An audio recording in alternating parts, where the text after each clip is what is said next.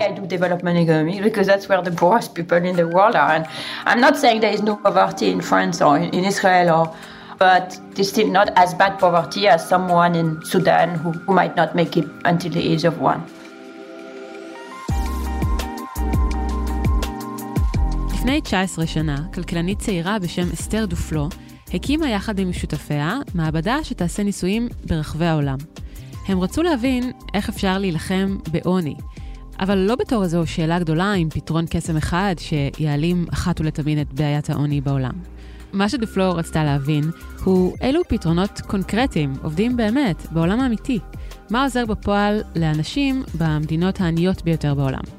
16 שנים מאוחר יותר, דופלו ועמיתיה זכו בפרס נובל. היי, אני הילה וייסברג. אני אורי פסובסקי. ואתם מאזינים לצוללת של גלובס. אורי, אתה ראיינת למגזין G של גלובס את אסתר דופלו, שהזכייה שלה בנובל היא יוצאת דופן בכל מיני מובנים. כן, בין היתר אסתר דופלו היא האדם הצעיר ביותר שזכה בפרס נובל לכלכלה, והיא גם האישה השנייה בסך הכל שזכתה לכבוד הזה. והיא זכתה על המחקרים שלה שעסקו, כפי שכבר רמזנו קודם לכן, במדינות העניות ביותר בעולם. זה נכון. אה, דופלו בילתה את החלק הגדול של הקריירה שלה בביצוע ניסויים. שמנסים לענות על שאלות מאוד פרקטיות. איך אה, לגרום ליותר אנשים לחסן את הילדים שלהם. איך לוודא שתלמידים באמת מגיעים לבית ספר. איך לגרום לאנשים להירשם לביטוח הבריאות שלהם. והיא בדקה שאלות כאלה בשטח, בכל העולם, בהודו, בקניה, באינדונזיה, עם הרבה מאוד שותפים לדרך, גם חוקרים, גם ארגונים שאיתם היא עבדה. אבל בשנים האחרונות דופלו גם התחילה לעסוק בבעיות שמעסיקות את המדינות העשירות, והרבה פעמים האמת זה בדיוק אותן בעיות, כמו אי שוויון, חוסר אמון בממשלה, אזורים שנותרו ככה מאחור, איך מתמודדים עם שינוי האקלים. כן, שאלות בוערות ורלוונטיות. דופלו מגדירה את המצב הנוכחי של הכלכלה בעולם בתור זמנים קשים שנקלענו אליהם, ואני חושב שזה די מתחדד לכולם בחודשים האחרונים. שלא לדבר על השבועות האחרונים. והמסר שלה הוא שיש למדע הכלכלה מה להגיד על האתגרים שניצבים בפנינו כרגע, והיא ככה מנסה לזקק את התובנות של הכלכלנים שיכולות לעזור לנו לחשוב על מה אפשר לעשות.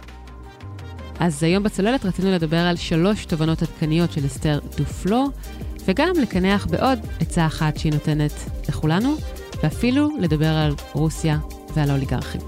אבל לפני שנגיע לזה, אורי, מי זאת אסתר דופלו? אוקיי, okay, אז כמו שאפשר לשמוע, אסתר דופלו היא צרפתייה, ילידת 1972, כלומר בת 49. היא גדלה בפרבר של פריז לזוג הורים אקדמאים, אימא שלה היא רופאת ילדים, אבא שלה הוא פרופסור אה, למתמטיקה. לא רגע של מחסור או משהו כזה. ממש לא, אבל אה, אימא שלה נהגה להתנדב כרופאה באזורי עימות, לטפל בילדים שנפצעו במלחמה, וזה מאוד השפיע על דופלו מגיל צעיר, היא רצתה לשנות את העולם, לתרום את uh, חלקה, אבל את יודעת, היא גם הייתה תלמידה מצטיינת, נכנסה לאוניברסיטה הכי יוקרתית uh, בצרפת, האקול נורמל סופריור, והייתה על מסלול אקדמי בדרך להפוך להיסטוריונית, כשבמקביל היא גם למדה כלכלה, והאמת שחשבה שזה מאוד משעמם. And I was very much there when I started economics as an undergraduate. Again, I wanted to be a change maker. I thought economics was just an elaborate hoax to uh, justify the world exactly as it was uh, by putting some uh, not particularly interesting mathematics on it. And yet, uh, 28 years later, I guess I'm here. I'm an economist. כן, אז ממש בנאום שלה לכבוד הזכייה בנובל ב-2019, דופלו הסבירה שהיא רצתה לשנות את העולם, אבל בתואר הראשון, כל מקצוע הכלכלה נראה לה כמו משהו שהולך בכיוון ההפוך בדיוק, משהו שנועד להצדיק את העולם כמו שהוא, ולא לשנות כלום. אבל כמו שהיא אומרת, 26 שנים מאוחר יותר, היא זכתה בפרס נובל לכלכלה, אז כנראה שהיא שינתה את דעתה בדרך, או מצאה דרך לשנות באמצעות הכלכלה. ועכשיו זה המקום שבו אנחנו פונים לדבר על האזור uh, הכי בוער כיום בעולם, על רוסיה. כי מסתבר שהשינוי שהיא חוותה ביחס לדעתה על כלכלה התרחש דווקא שם. מה הקשר לרוסיה? זהו, דופלו למדה רוסית מגיל צעיר, היא חשבה להפוך להיסטוריונית שמתעסקת ברוסיה הסובייטית, והיא הייתה שם בשנת הפסקה מהאוניברסיטה, בתחילת שנות ה-90, את יודעת, בוריס ילצין היה אז הנשיא, זו הייתה תקופה מאוד סוערת ברוסיה. ברית המועצות בדיוק התפרקה, ורוסיה הייתה בתהליך של מעבר מכלכלה קומוניסטית ריכוזית לכלכלת שוק חופשי מופרטת. already when I lived in Russia was much already more complicated times because I lived in Russia under Boris Yeltsin. The reform were complicated. It was when the privatization took place and in some sense many of the things that were going, you know, the seeds of uh, what is now Putin's Russia were planted then. אז ההפרטה שהתרחשה באותם ימים היא שהובילה בסופו של דבר לרוסיה של פוטין, לפי דופלו. כן, דופלו מדברת על זה שההפרטה בוצעה באמצעות איזושהי שיטה של שוברים, שבהם אנשים קיבלו אה, שוברים של בעלות כזה, אחוז קטן של בעלות על כל מיני מפעלים, חברות, הרכוש של המדינה שהופרט, אבל לא היה להם כסף, ומי שהיה לו כסף יכול היה להתחיל לאסוף נכסים אה, ולהשתלט על עוד ועוד אה, חברות, מפעלים, מכרות. וככה בעצם אה, היו מעט אנשים ברוסיה שהתחילו לצבור הרבה מאוד רכוש, מה שהתגלגל בסופו של דבר לרוסיה של האוליגרכים שאותה אנחנו מכירים היום, והיא הייתה שם, היא אומרת, אני ראיתי את זה מתחיל לקרות במו עיניי. המקורבים לשלטון, כן. וכמו שהיא מספרת לך, מי שעיצב את תוכנית ההפרטה שהיא רואה לשלילה, היו דווקא כלכלנים מארצות הברית. כן, זה פרק אה, ידוע קצת לשמצה בהיסטוריה של אה, רוסיה. מי ששיחק שם תפקיד מפתח אה, בתוכנית הרפורמות במדינה היה המכון לפיתוח בינלאומי בהרווארד. בהרווארד. כן, mm-hmm. שעבד יחד אה, עם סוכנות הסיוע האמריקאית, יחד עם שרים בממשלת רוסיה, וממש שיחק תפקיד מפתח בעיצוב כל הרפורמה. ולפי דופלו זה ממש הפך לאסון. כן, אה, כאמור, היא רואה את זה בתור התקופה שבה נטמנו הזרעים שהובילו לעליית האוליגרכיה, אבל דווקא אז היא החליטה, כשהיא מסתכלת על הכלכלנים האלה ומה שהם עושים, היא החליטה שגם היא רוצה להפוך לכלכלנית. כדי לעשות את זה יותר טוב מהם. בדיוק. היא הבינה איזה כוח יש לכלכלנים, אפילו כאלה שלא יודעים מה הם עושים. That was the case for me. Before going to Russia, I thought economics was about, you know, GDP and inflation, and I had no interest in either of these topics. And when I went to Russia, I said when I realized that oh, economists are doing all sorts of stuff and they are like very implicated in in, in economic policy making and they can really change things on the ground. אז עכשיו שמענו דופלו אומרת, לפני שנסעתי לרוסיה, חשבתי שכלכלה עוסקת בתמ"ג ואינפלציה, ולא התעניינתי באף אחד מהנושאים האלה. ואז כשהגעתי לרוסיה הבנתי שכלכלנים עושים כל מיני דברים, והם מעורבים במדיניות הכלכלית, וזה ממש יכול לשנות את המציאות בשטח. אוקיי, אז עכשיו אנחנו יודעים למה דופלו החליטה שהיא הופכת דווקא לכלכלנית. כן, אה, היא נסעה הברית, עשתה דוקטורט אה, ב-MIT, אחת המחלקות הכי נחשבות אה, לכלכלה בעולם, ונשארה שם, הפכה לפרופסורית עם קביעות בגיל 29 בלבד. מרשים מאוד. כן, היא ממש עלתה על המסלול המהיר, ובתקופה ההיא היא בעצם הייתה חלק מקבוצה של כלכלנים שייסדו תנועה סביב הרעיון של ניסויים אקראיים בכלכלה. So here's the thing it's not the Middle Ages anymore, it's the 21st century. And in the 20th century, randomized controlled trials have revolutionized medicine by allowing us to distinguish between drugs that work and drugs that don't work. And you can do the same randomized control trial for social policy. זו הייתה דופלו בהרצאת TED שהיא נשאה בשנת 2010, ובהרצאה הזאת היא מסבירה את הרעיון של ניסויים אקראיים.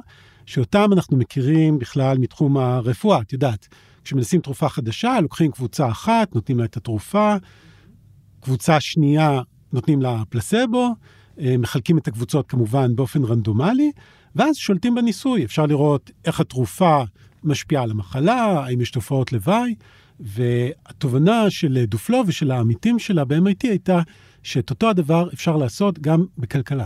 אז זהו, זה קטע שלא ממש מובן לי. כלומר, איך אתה מבצע ניסוי בשטח על אנשים, ניסויים כלכליים, אתה יכול לתת דוגמה? אז באחד הניסויים המפורסמים שלהם בהודו, דופלו ושותפה למחקר, אביג'יט באנרג'י. שהוא לא רק שותפה למחקר. כן, עוד נגיע לזה. אוקיי. Okay. בדקו איך ניתן להעלות את שיעורי החיסון באזורים כפריים במחוז אודייפור. והם אה, גילו שזה לא שהורים לא מחסנים את הילדים שלהם כי יש להם איזו התנגדות עקרונית אה, לקחת את הילדים למרפאה, אלא בגלל סיבה הרבה יותר טריוויאלית, המרפאות לא מאוישות, המרפאה עומדת ריקה, הצוות הרפואי לא שם. מה שהם עשו זה לשלוח לחלק מהכפרים, לקבוצת הטיפול, מה שנקרא, מרפאות ניידות כאלה, שמאוישות תמיד עם צוות רפואי. כשהם עשו את זה, אז שיעור החיסון זינק מ-6% ל-18%, שזה לא הרבה, אבל זה פי שלוש. וכאשר ההורים שהגיעו למרפאה קיבלו גם קילו של עדשים שאפשר להכין מהם דל, את יודעת, קילו שעולה דולר אחד בלבד, אז שיעור החיסון הגיע ל-39 אחוז, שזה כבר עלייה מאוד מרשימה. תגיד, למה זה נחשב ניסוי בכלכלה ולא ניסוי בבריאות או בתחום החינוך? כן, זה חלק מהדברים שכלכלני פיתוח מתעסקים בהם. איך אה, לגרום לאנשים להיות בריאים יותר, אה, לרכוש השכלה ולזכות לאיכות חיים טובה יותר. אוקיי, אז אפשר לקטלג את זה גם כניסוי כלכלי ואפילו לזכות בנובל. ויש לך עוד דוגמה שרציתי לדבר עליה, על רשתות שנועדו להגנה מפני מלאריה.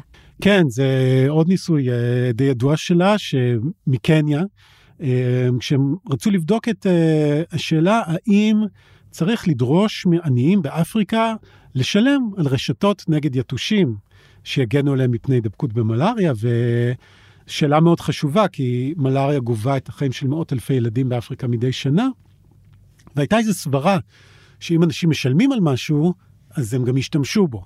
ואם תחלקי אותו בחינם, הם סתם יזרקו את זה בפינה. אבל בניסויים של דופלו ושל העמיתים שלהם מצאו שמחיר מלא דווקא מרתיע אנשים מלקנות את הרשתות, אבל אם הם יקבלו את הרשתות נגד יתושים בחינם, או כמעט בחינם, אז הם משתמשים בהם. ואפילו הם יהיו מוכנים לשלם מחיר מלא על הרשת הבאה. אז זאת עוד דוגמה לאופן שבו אפשר לבדוק איזה מדיניות עובדת בשטח, וגם להשפיע באופן מאוד דרמטי לפעמים על החיים של אנשים.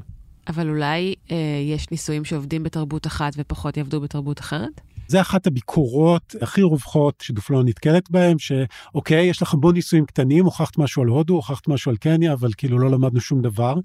והתשובה שלה זה, קודם כל, אי אפשר ללמוד אה, מניסוי אחד לבד, אבל מפה לשם המעבדה שלה הייתה מעורבת באלף ניסויים ב-84 מדינות שונות, והיא אומרת שכשמגבשים עוד ועוד ניסויים, אז רואים שלאט לאט הכל מתחבר, שמחברים את התוצאות, מקבלים איזושהי תמונה יותר אה, מלאה של העולם, שממנה כן אפשר להסיק מסקנות לגבי איך צריך לבנות אה, מדיניות. כי את יודעת, בסופו של דבר היא רוצה לעזור לממשלות ולכל מיני ארגונים אה, מהמגזר השלישי, לגבש מדיניות, לדעת איך לנהל את בתי הספר, איך לחסן ילדים, והיא רוצה לתת עצות שימושיות על סמך הניסיון מהרבה מאוד מקומות בעולם.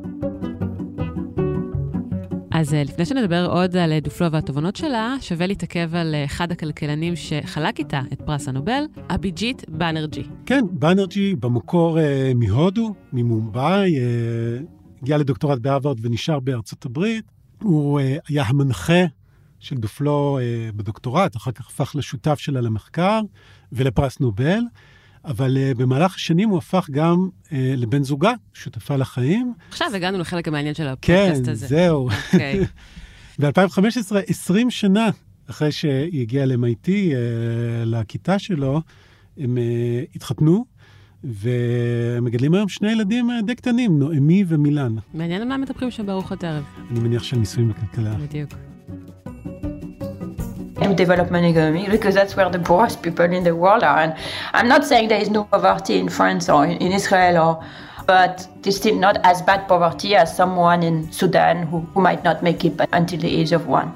אז אסתר דופלו אומרת לך שהיא מתעניינת במדינות עניות, אבל הספר האחרון שלה עוסק דווקא במדינות עשירות. כן, זה ספר uh, שהיא פרסמה בשנת 2019, הוא היה מוכן כנראה, כי הוא יצא לאור ממש חמישה ימים אחרי שהם זכו בפרס נובל, כלכלה טובה לזמנים קשים.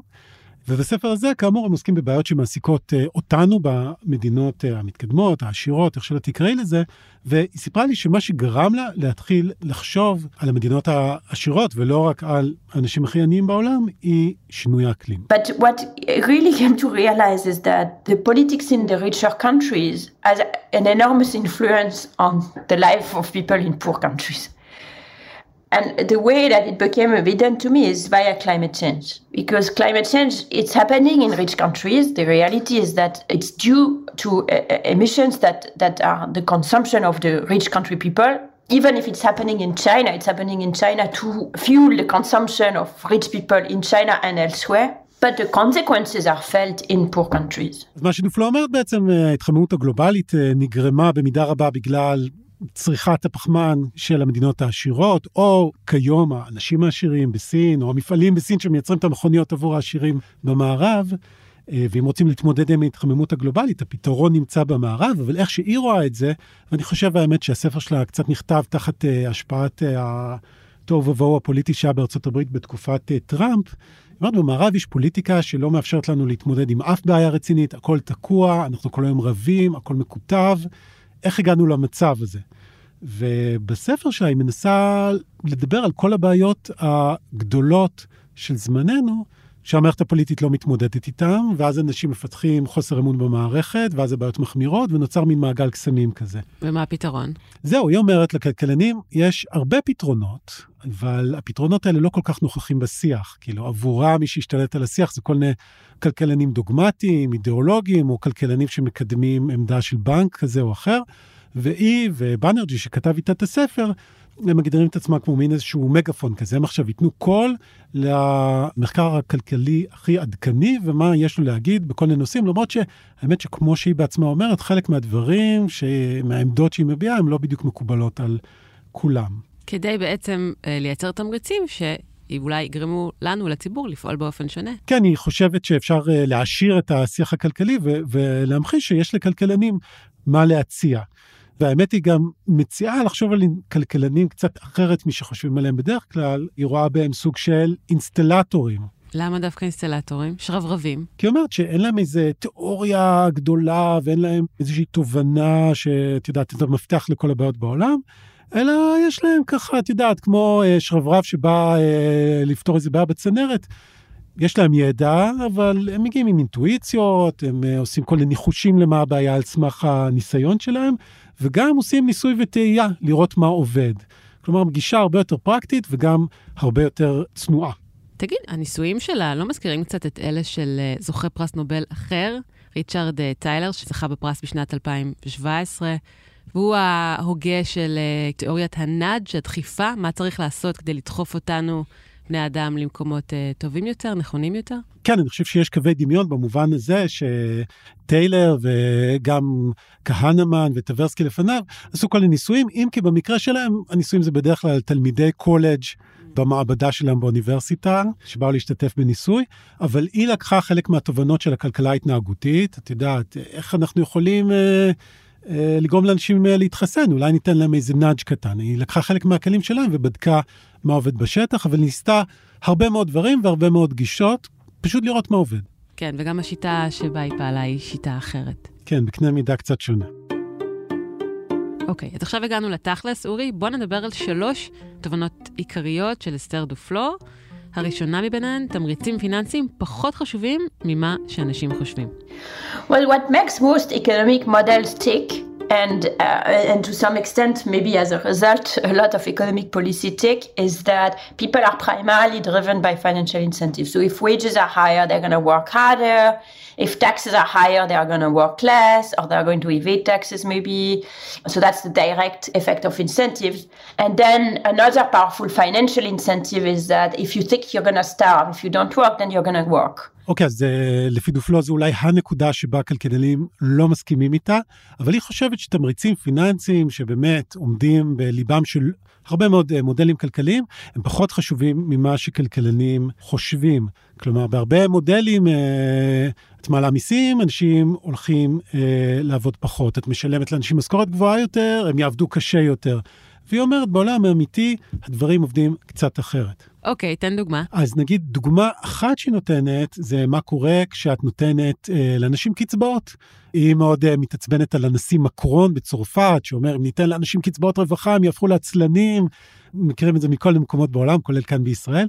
היא אומרת אבל שבין היתר על סמך אה, העדויות שהיא ובאנרג'י אוספים בעולם, העניינים לא בהכרח עובדים ככה, ויש לה, האמת, ניסויים יפים, שבהם רואים שאנשים קיבלו קצבה שלא קשורה לעבודה, הם קיבלו קצבה נניח במקרה שילד שלהם מתחסן, או אה, לפי איפה הם גרו, או כמה ילדים יש לו, והם בדקו, אוקיי, האם הם הלכו לעבוד פחות? והיא אומרת, לא, אנחנו רואים שאנשים מקבלים קצבאות, אותה הסתברות שהם ילכו לעבוד, והם גם עובדים אותה כמות שעות. כלומר, היא אומרת, לא צריך להניח מראש שאם אתה תיתן לאנשים יותר כסף, אז הם הקטינו את כמות השעות שהם עובדים. כן, כי הרי עבודה זה לא רק כסף, יש לה כל מיני תפקידים אחרים. כן, וכששאלתי את אה, דופלו, אז היא לקחה את זה לכיוון אחר, דווקא של האנשים העשירים ביותר. People. ultra rich people, mostly they want to make more money than, than their friends, the other ultra rich people. It's not that they can spend the money anyways, so they don't stop working when taxes become higher. מה שדופלו אומרת, ופה היא uh, חותרת לזה uh, שאפשר להטיל עוד מיסים על עשירים, שהאולטרה עשירים, כמו שהיא מגדירה אותם, ממילא הרבה פעמים מרוויחים כל כך הרבה כסף שאין להם מה לעשות איתו. כלומר, אין להם איזה משהו קונקרטי להוציא עליו את הכסף, איזה משהו שהם חייבים. הסיבה שהם רוצים להרוויח יותר לפעמים זה כי הם רוצים להרוויח יותר מהאנשים האחרים במישור הייחוס שלהם.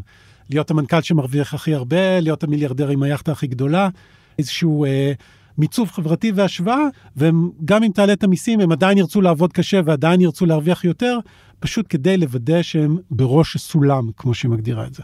התובנה השנייה שדיברתם עליה היא הכלכלה הדביקה, והיא טוענת אה, שבעצם מרבית הכלכלנים לא רואים את הכלכלה ככה. איך הם רואים אותה? כן, אז גם פה אה, דופלו יוצאת נגד איזושהי תפיסה כלכלית, שרואה את הכלכלה, את העולם האמת, בתור מקום מאוד דינמי וחסר חיכוך, מה שנקרא. את יודעת, אנשים יכולים להחליף מקצוע בקלות, יכולים לעבור עבודה בקלות, אתה איבדת את העבודה במפעל, אתה עובר uh, לעבוד uh, בתעשיית המוזיקה, אתה יכול להתפטר וללכת uh, לנדוד בעולם, עסקים נסגרים, אז במקומם מקמים עסקים חדשים, הכל מאוד דינמי ובתנועה. אוקיי, אבל היא אומרת במציאות זה לא עובד ככה. כן, אז היא אומרת במציאות הדברים הרבה יותר דביקים או סטיקי. אנשים לא כל כך מהר ששים להחליף מקצוע, אנשים לא כל כך מהר עוזבים את העיר שבה הם מתגוררים. זה האמת משהו שמאוד מאוד רלוונטי אה, לארה"ב, שבה דופלו אה, גרה. את יודעת, בארצות הברית יש את uh, חגורת החלודה, מה שנקרא, כאילו אזורים שלמים שנקלעו למצוקה כלכלית אחרי שתעשיית הפלדה שם נקלעה לקשיים, ובעשורים האחרונים ראינו כל מיני מדינות uh, בארצות הברית שמאוד נפגעו מזה שהתחילו לסחור עם סין והביאו מוצרים זולים מסין, למשל במקום תעשיית הרהיטים בנורת קרוליינה. You know, when someone loses their job making furniture in North Carolina, they should move to New York to be a security watchman in a furniture store. That's what we think. That the economist model work like that, and therefore at the margin, the impact on the salary of the low wage worker should not be too high because it's sort of diluted. But in fact, this is not the way it works. The furniture worker stays there in North Carolina, they lose their job, They don't make any money for some time. They stop going to restaurants. So the restaurant workers lose their own job, and so on and so forth. So that's the sticky part. אז באמת אה, דופלו מתאר את תהליך אה, שהוא לפעמים היה די טרגי בארצות הברית, שבו אנשים שאיבדו את העבודה שלהם במפעל הרהיטים בצפון קרוליינה, לא אה, קמו, לקחו את הדברים שלהם ועברו לעבוד בחנות אה, רהיטים בניו יורק, אלא הפכו למובטלים בצפון קרוליינה, ואז הם קונים פחות, ואז המסעדה שהם נהגו לאכול בה גם פושטת את הרגל, וכל האזור שם מידרדר. האמת זה נשמע לי מאוד הגיוני, כולנו יודעים שבגילאים מסוימים ובמקצועות מסוימים ובסיטואציות מסוימות מאוד מאוד קשה להחליף עבודה ולהתחיל מחדש. כן, זה לא רק זה, גם את יודעת, אה, ארה"ב אה, במיוחד, אבל גם בישראל, זה מקום גדול, זה לא שאת עכשיו תעזבי את המשפחה שלך, את הקהילה שלך, את הכנסייה שלך לצורך העניין בארה"ב. ותעברי לאיזה מדינה אחרת שאת לא מכירה במרחק אלף קילומטרים. כי שם יש עבודה. כי שם יש עבודה. אבל מה המשמעויות האופרטיביות של התפיסה הזו שלה בעיניה? אוקיי, אז uh, לדופלו האמת יש לא מעט המלצות. את יודעת, אם אנחנו מבינים את זה ומקבלים את זה, אז היא אומרת, למשל, uh, אפשר לעזור לאנשים צעירים באזור שנפגע כלכלית, כן, בכל זאת לעבור למקום אחר. בניו יורק צריך לשלם יותר למעונות יום, או uh, אם רוצים שמישהו ילך ללמוד באוניברסיטה זה עולה כסף, אז אולי לסבסד לאנשים מעונות יום במקום אחר, אם יש להם ילדים, אולי לתת להם מענק לאוניברסיטה, אולי לעזור להם לשלם שכר דירה שהוא יקר יותר במקום אחר, וככה להקל עליהם את המעבר. כי לעבור זה דבר שיש לו הרבה מאוד עלויות. בקיצור, היא לא מאמינה בחלום האמריקאי. אם רק תרצה, אז אתה יכול ותצליח. והיא רוצה לעזור לאנשים להגשים את החלום כן. הזה, והיא גם יודעת, האמת היא שכמו שאמרת, יש אנשים שכבר מבוגרים מדי לזה, ופה יש לה הצעה אה, קצת יותר מרחיקת לכת, והיא לשלם להם חלק מהמשכורת. כלומר, ממש מי שכבר לא יחליף מקצוע, אז לתת סובסידיה למפעל שלו או שלה, ולעזור לעסק להישאר בחיים ולשלם משכורות לעובדים. כי את יודעת, כשאנשים מאבדים את העבודה שלהם, אה, הרבה פעמים זה ממש פוגע בכל המרקם של הקהילה. יש הבדל גדול מאוד בין קהילה של אנשים עובדים לקהילה של אנשים שמארצות הברית מתקיימים מקצבת אבטלה או נכות. טוב, זה באמת דיון שגם מוכר לנו כאן מישראל, כשיש מפעלים גדולים שהם על סף סגירה, ואז נשאלת השאלה, אם צריך להחיות את המפעל הזה, באופן מלאכותי לפעמים, אה, לטובת העובדים הרבים שנמצאים בו, או פשוט לתת את הכלכלה לעשות את שלה? היא uh, בדעה שלפחות עבור מפעלים מסוימים, uh, יש לה כל מיני מבחנים כמובן, אבל עובדים בגיל מסוים, היא דווקא בעד לעזור להם להישאר באותה עבודה ולא ללכת על הכיוון החסר סיכוי בעיניה של uh, למצוא להם עבודה אחרת בגיל מבוגר. טוב, זה גם פער התפיסות שבין uh, מערכת הסוציאלית המאוד uh, נדיבה ומרחיבה באירופה לבין זו בארצות הברית, לא? כן, אולי זה לא מקרה שהיא צרפתייה באמריקה. אבל את יודעת, uh, מעבר לשינוי פרקטי כזה או אחר uh, במדיניות, דופלו גם חושבת ש... שצריך ממש לשנות גישה, איך שהיא מנסחת את זה, לשנות את המיתוג והפילוסופיה שבה מסתכלים על מערכת הרווחה. היא אומרת, זה לא צדקה, הרבה פעמים אנשים חושבים שנותנים צדקה למי שמקבל איזה קצבת אבטלה או קצבה כזאת או אחרת, והיא אומרת, לא, זה ביטוח חברתי. זה לא שאתה איזה לוזר שצריך לקבל קצבה. הרבה פעמים אנשים נקלעו לסיטואציות שלא באשמתם, וגם לא היו רוצים להיות בסיטואציה הזאת, והם צריכים עזרה, ולאו דווקא יש איזו סכנה גדולה, כמו שהיא מנסחת את זה, שהם יהפכו לעצלנים. והאמת היא שהיא אומרת דבר נכון, אני חושב, שאפשר היה לראות את זה בקורונה. כלומר, אנשים uh, יצאו לחל"ת, שלא באשמתם, כי הייתה פה מגפה עולמית, אף אחד לא חשב שהם עצלנים או משהו, פשוט היו נסיבות חיצוניות שגרמו לזה שאנשים לא יכלו לעבוד. והיא אומרת, הנה, תסתכלו, אף אחד לא חושב שזה סוף העולם שיש חל"ת, יש בזה משהו. כן, ואפילו דיברנו על זה, אורי, אתה ואני, לפני משהו כמו שנה, פרק 110 של הצוללת, לא, אתם לא עצלנים.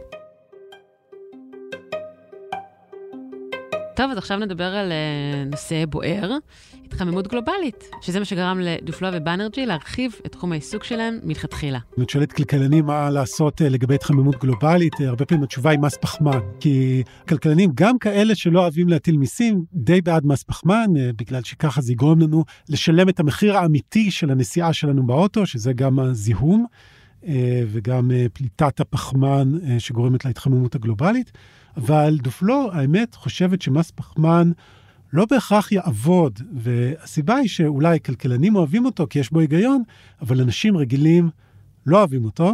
הם לא אוהבים אותו, אבל אולי זה יתמרץ אותם בצורה נכונה. כן, אבל uh, היא לוקחת את הדוגמה, שוב, מצרפת, של uh, האפודים הצהובים, שפשוט הניסיון שם להטיל מס פחמן הוביל לכזאת מהומה פוליטית, שהיא חושבת שהפתרון הזה הוא פשוט לא מאוד ישים בתור הפתרון להתחממות הגלובלית. מה שאני יכולה לומר לך זה שמאז ששקיות ניילון בסופר עולות כמה אגורות, גם אני וגם עוד רבים מאוד מצמצמים בשימוש בהן. בראייה שלה, והאמת אולי אפשר גם uh, להשליך מזה למקומות אחרים, היא אומרת, תסתכל על צרפת. מי שבעד מס פחמן זה כל הבוהמיאנים מפריז שנוסעים באופניים ויש להם מטרו מעולה. ומי שצריך לשלם את מס הפחמן בפועל, זה אנשים שגרים בפריפריה, נוסעים uh, הרבה מאוד באוטו שלהם uh, לעבודה, ואין להם מטרו, ואין להם אפשרות לנסוע באופניים, אתה מטיל מס פחמן, העלויות שלהם מזנקות, והם uh, מתחילים מאוד לכעוס. אז מה כן, לתפיסתה צריך לעשות? אז תשמעי, באופן שאולי לא הכי מפתיע בשלב הזה, כמו עם בעיית העוני שהיא בעיית ענק, גם במקרה של משבר האקלים אין איזה פתרון קסם אחד. The difficulty with the climate change is that there's no like one solution.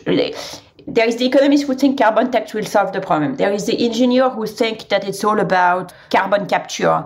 Uh, there is the nuclear people who think we just need to have nuclear energy will be done. None of that is going to do it on its own. אז uh, לפי דופלו יש הרבה מאוד דברים שנצטרך לעשות כדי להתמודד עם משבר האקלים.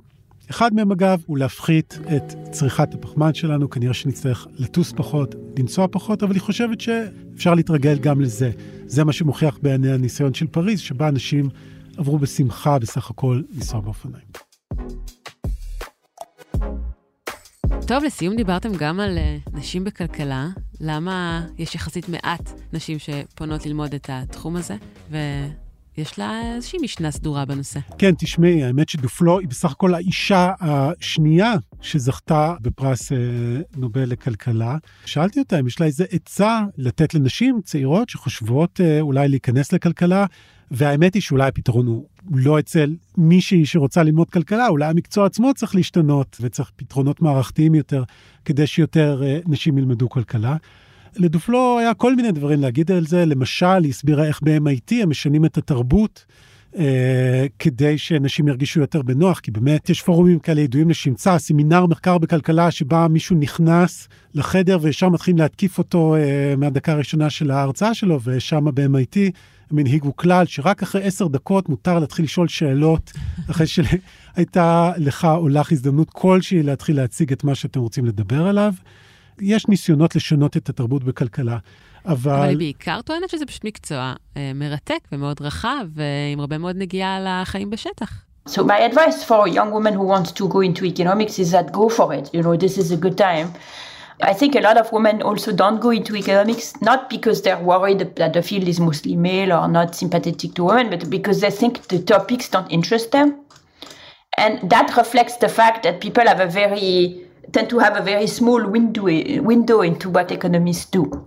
That was the case for me before going to Russia. And now the field is so diverse in terms of the topic it's about. Economists think about climate change, they think about migration, they think about inequality, they think about racism, they think about everything, you know, the pandemic, everything really. דופלו אומרת שלא רק שמקצוע הכלכלה מנסה היום להיות uh, יותר פתוח לנשים, אלא שנשים ובכלל כולם צריכים להבין שכלכלנים עוסקים היום בהרבה מאוד דברים, אי שוויון, שינוי אקלים, וכל אחת, כל אחד יכול למצוא לעצמו איזה נישה שמעניינת אותה או אותו. בקיצור, היא אומרת שמדובר באחלה מקצוע, וכלכלה זה לא רק אינפלציה ותוצר ומילים גדולות, זה החיים עצמם. בדיוק. אורי פסובסקי, תודה רבה. תודה רבה. עד כאן עוד פרק של הצוללת. אתם יכולים למצוא אותנו באתר גלובס, בספוטיפיי או בכל אפליקציות פודקאסטים, ונשמח אם תדרגו אותנו שם גבוה. ואתם מוזמנים לעשות ניסוי ולשלוח את הפרק לחברה או חבר. שרוצים להבין איך כלכלנים יכולים לפתור את משבר האקלים ועוד הרבה דברים אחרים. ורצינו להגיד להתראות ובהצלחה לחברנו היקר אמירם ברקת, שיוצא לדרך חדשה. אמירם, אתה תחסר לנו מאוד. עורך הסאונד וניר לייסט, אני אלה וייסברג. אני אורי פסובסקי. תודה לכולכם שהאזנתם, נתראה בפעם הבאה. ביי.